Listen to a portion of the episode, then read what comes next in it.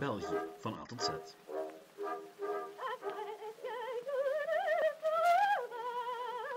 Welkom bij België van A tot Z en welkom bij de letter L. L voor, hoe kan het ook anders in dit jubileumjaar, Lam Gods.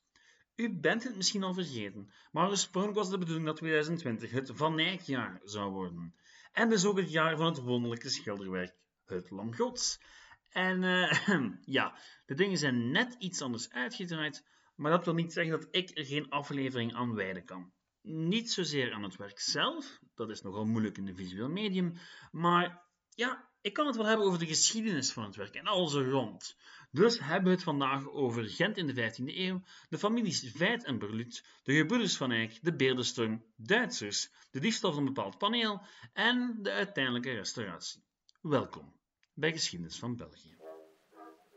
Laat ons beginnen bij de stad die het vaakst geassocieerd wordt met het Lam Gods, Gent. En bij een simpel feit. Een van de belangrijkste redenen dat het Lam Gods bestaat, is dat Gent in de 15e eeuw rijk was. Heel erg rijk. En dus een heleboel rijke families stelde. Gent was tijdens de late middeleeuwen een van de grootste steden van Europa en moest in Noordwest-Europa enkel onderdoen voor Londen en Parijs.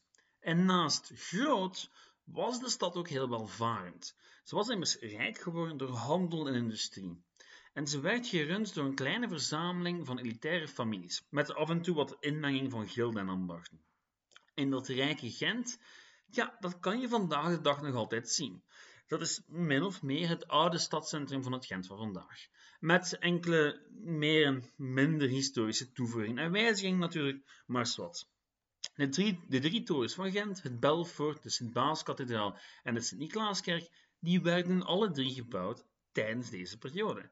En ze waren symbolen van de rijkdom en de macht van de stad. En meer specifiek van de macht van haar bestuurders. Bestuurders die ook niet vies waren van regionale en zelfs internationale politiek. De Gentenaars waren betrokken bij een hele race van opstanden en wisten onder leiding van Jacob van Artevelde zelfs een tijdje het hele bestuur van het graafschap Vlaanderen over te nemen. Nu hoor ik u vragen, wat heeft dat in godsnaam te maken met het lam gods? Wel, um, alles. Dat zit zo. Het lam gods is gigantisch en vreselijk complex en gemaakt met heel dure verf en door een hele atelier vol kunstige genieën. Het is dus dan ook, logisch dat dat lam vreselijk veel geld kostte. Geld waar in die tijd slechts drie groepen mensen over konden beschikken. De hoge adel, zoals bijvoorbeeld de hertog van Bourgogne, die we later nog terug zien komen in dit verhaal, de hoge klerus, dan heb ik het over bisschoppen, aartsbisschoppen en de paus, maar nog een derde groep, last but not least, hele rijke en vooraanstaande burgers. De volgende vraag is waarom die zoiets zouden doen. Waarom zouden die zoveel geld in een schilderij steken? Een schilderij dat ja, sowieso te groot is om in de huiskamer te hangen. Wel, er zijn twee verklaringen en eerlijk gezegd sluit de ene die de andere niet uit. Ten eerste is er natuurlijk prestige. Mensen zijn immers mensen. Wat wil zeggen dat van zodra men rijk en machtig is, men dat ook graag aan de buitenwereld toont. Zowel vandaag als in de middeleeuwen. Vandaag koopt men een Porsche of post men foto's vanuit de chique vakantiebestemming. In de middeleeuwen liet men gebouwen neerzetten en of dure kunst maken. En er was concurrentie. De belangrijke families in de stad waren immers concurrenten in alles. In de handel, in de gemeentepolitiek en natuurlijk ook wat betreft prestige. Dus was het niet abnormaal dat men elkaar probeerde te overtreffen. Opnieuw en opnieuw en opnieuw. Er is natuurlijk nog een tweede verklaring, een religieuze verklaring. En voor ik hier verder op inga, haal ik even een van mijn favoriete en net iets te vaak gebruikte quotes over geschiedenis boven, namelijk deze van L.P. Hartley. The past is a foreign country. They do things differently there. En wat Hartley zeggen wil, is dat het leven in jouw stad 500 jaar geleden waarschijnlijk even absurd en abstract is in jouw ogen als het leven in pakweg Mumbai en waarschijnlijk nog een stuk absurder.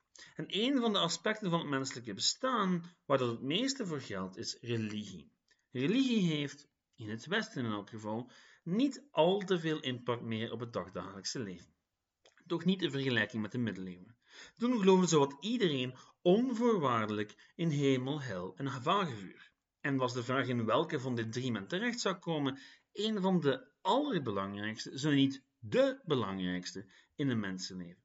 Een van de manieren om het eigen te waarborgen was geld doneren aan de kerk, een mis te laten opdragen, meebouwen aan een kerk of een combinatie van alle drie. En dat brengt ons na een lange omweg bij het Lam Gods en de families Veit en Borluut. Bij Elisabeth Borluut en Joos Veit, om precies te zijn. De opdrachtgevers van Lam Gods. De familie Veit was een adellijke familie die haar fortuin had gemaakt in het Waasland en de Borluts waren een van de voornaamste Gentse families. Dat had heel veel te maken met Jan Borluut, die tijdens de Gouden Sporenslag de Gentse troepen aanvoerde. Maar dat is dan weer een heel ander verhaal. Maar die Borluts die waren echt wel heel belangrijk. Het wapenschild kan je trouwens op de dag van vandaag nog zien hangen aan een van hun middeleeuwse stadspaleizen, dat op de Korenmacht in Gent. Het is het blauwe schild met de drie lopende herten op. Maar het echtpaar Veit, ja, dat was dus heel belangrijk. Joost Veit was schepen, vertrouwensman van de Burgondische hertog en had genoeg geld om een wel heel comfortabel leventje te leiden. Er was echter één probleempje. Het echtpaar bleef kinderloos. Wat betekende zou dat na hun dood al die rijkdom naar neven, nichten en andere verwanten zou gaan. En het is naar alle waarschijnlijkheid die wetenschap die Elisabeth en Joost tot een monumentale beslissing bracht. Dat in plaats van al hun centen op te potten voor de neven van Joost en Elisabeth, ze die ook zouden kunnen gebruiken om zich te verzekeren van een ander soort nalatenschap. Iets waar ze in geslaagd zijn, aangezien ik en vele anderen zo'n kleine 600 jaar later de nodige regels aan hen wijt. Ze besloten immers een kapel te laten bouwen in de Sint-Janskerk te Gent, de kerk die u nu beter kent als de Sint-Baafskerk. Voor het verhaal van die naamsverandering hebben we echter echt geen tijd. Want uh, het is u misschien al opgevallen dat ik ondertussen meer dan duizend woorden ver ben in een stukje over het Lam Gods en dat de naam Van Eyck nog steeds niet gevallen is. Tot nu. Want eens Elisabeth en Joost besloten hadden dat ze een kapel wouden laten bouwen, ja, wouden ze die ook laten inrichten. Met een schilderij bijvoorbeeld. En dat schilderij, dat werd het Lam Gods. Beide mecenassen zijn trouwens te bewonderen op de zijpanelen van het gigantische werk.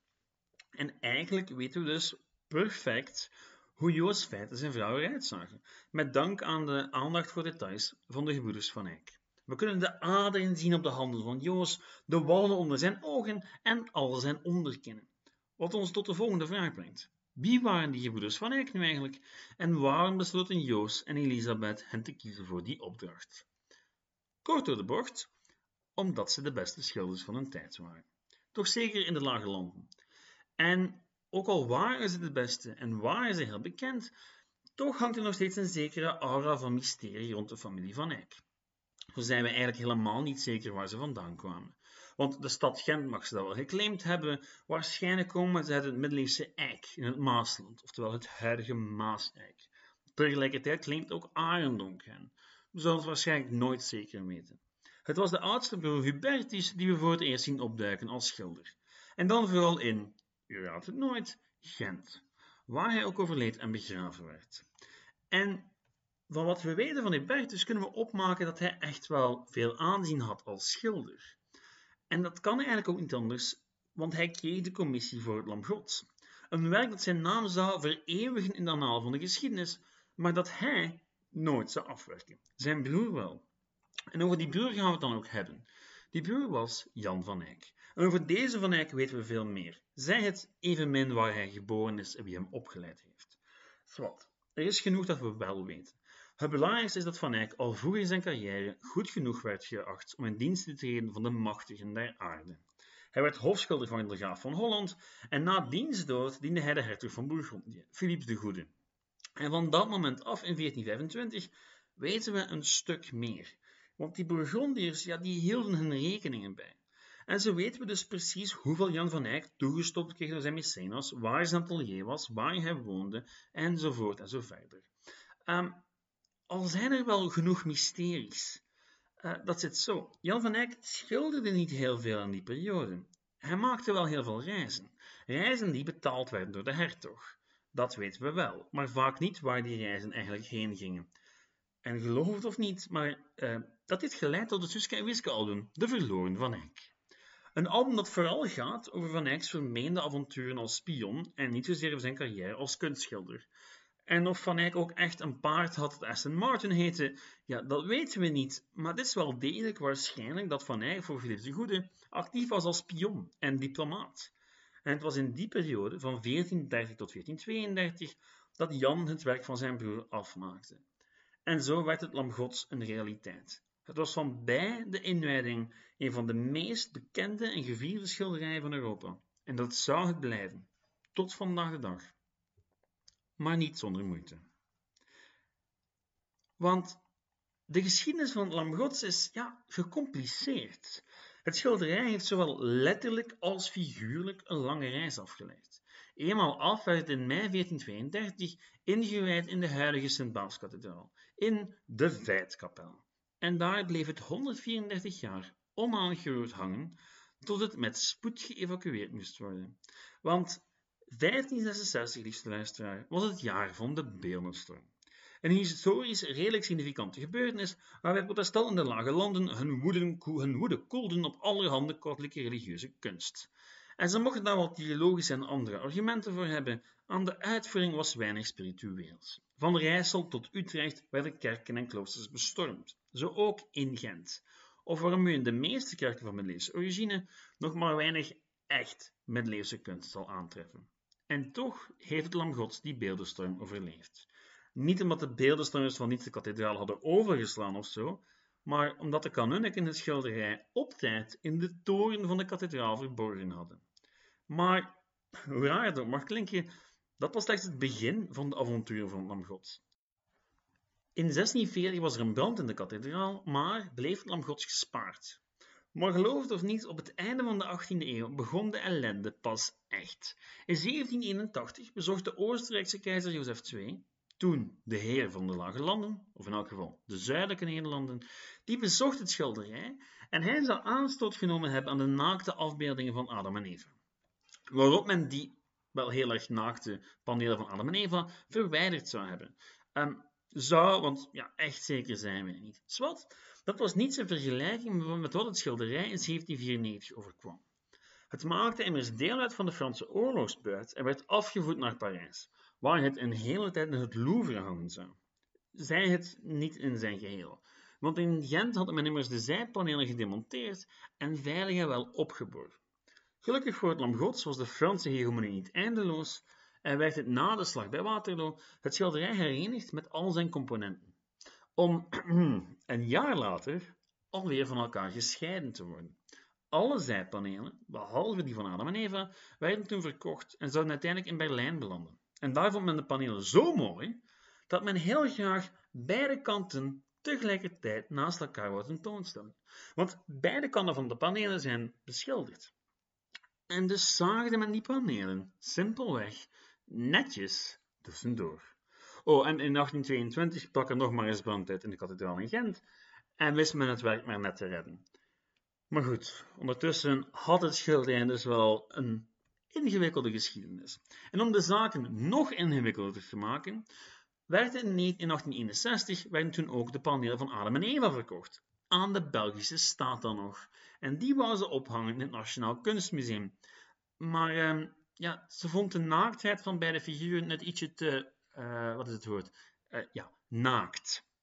Want ja, in de toenmalige Victoriaanse normen was die naaktheid niet bepaald zedig. En dus liet men in de plaats van de originele kopieën ophangen, waarin zowel Adam als Eva een mooi dierenvelletje was aangedaan. Oh, en daar moet ik nog aan toevoegen dat op hetzelfde moment de Belgische overheid kopieën van de zijpanelen die, in Berlijn hingen, bezorgden aan de kathedraal, zodat Lam Gods in zijn volledigheid konden voorstellen, om de verwarring compleet te maken. En het werd zowaar nog spannender in de 20e eeuw. Die 20e eeuw die brengt ons bij de Eerste Wereldoorlog en de figuur van kanunnik Gabriel van den Gijn. En wetende dat de Duitsers naderden en dat hij het gigantische werk onmogelijk nog op tijd in het buitenland kon krijgen, bedacht de man een list. Er werd een valse brief opgesteld met orders om het schilderij naar Engeland te brengen. Die brief werd vervolgens aan de Duitsers getoond als excuus voor het afwezige schilderij, terwijl het in werkelijkheid gewoon verstopt zat tussen de muren en onder de vloeren van twee woonhuizen. Gelukkig duurde de situatie maar eventjes En met het verdrag van Versailles kwam er heugelijk nieuws. De panelen van het Lam Gods, die zich in Berlijn bevonden, zouden teruggegeven worden. En zo dus werd het Lam Gods nogmaals herenigd, voor welgeteld 15 jaar. Want op 11 april 1934 bleken twee panelen gestolen te zijn. Zomaar. Zonder dat iemand ook maar een idee had van wie en hoe. Maar goed, om zulke bekende werken te kunnen verkopen, ja, dat is redelijk onmogelijk. De dief was zich daarvan bewust en die probeerde zijn prestatie op een andere wijze te vergulden. Afpersing. Hij communiceerde onder de afkorting DUA met de bisschop van Gent en eiste 1 miljoen Belgische frank. En om te bewijzen dat hij beide panelen wel degelijk zijn bezit had, liet hij het paneel van Johannes de Doper achter in het bagage, bagagedepot van Brussel-Noord. Maar het andere paneel, de rechtvaardige rechters, is nooit meer teruggevonden. Er zijn heel wat theorieën en om de zoveel jaren wordt er wel ergens een put gegraven of een graf opengebroken, maar men heeft het tot op de dag van vandaag nog steeds niet gevonden. En de rest van het schilderij, wel, dat had nog één groot avontuur voor de boeg, genaamd de Tweede Wereldoorlog. En deze keer slaagde men er niet in om het schilderij op tijd te verstoppen en werd door de nazi's veilig opgeborgen tot men het in Duitsland tentoonstellen kon. Het plan was om het, om het in het grote Rijksmuseum te zetten in Linz, dat de Führer in zijn hoofd had. Maar in de tussentijd werd het veilig opgeborgen in een zoutmijn. En uh, ja, als dat verdacht veel klinkt als een plot van de film Monuments Man, dan is dat geen toeval. Het Lam Gods was inderdaad een van de werken die in die zoutmijn werd teruggevonden. Het zou terug naar Gent gebracht worden en er volgt nog een hele cyclus van restauraties. Maar voorlopig leidt het werk een relatief rustig leventje in musea en in de Sint-Baafs. En is het meestal verenigd. Op dat ene paneel na, natuurlijk. En dat, liefste luisteraar, was een relatief korte geschiedenis van Lamgods. Er zijn zoveel aspecten van het werk waar ik het nog niet over heb gehad, maar die laat ik met veel plezier aan de experts ter zake over.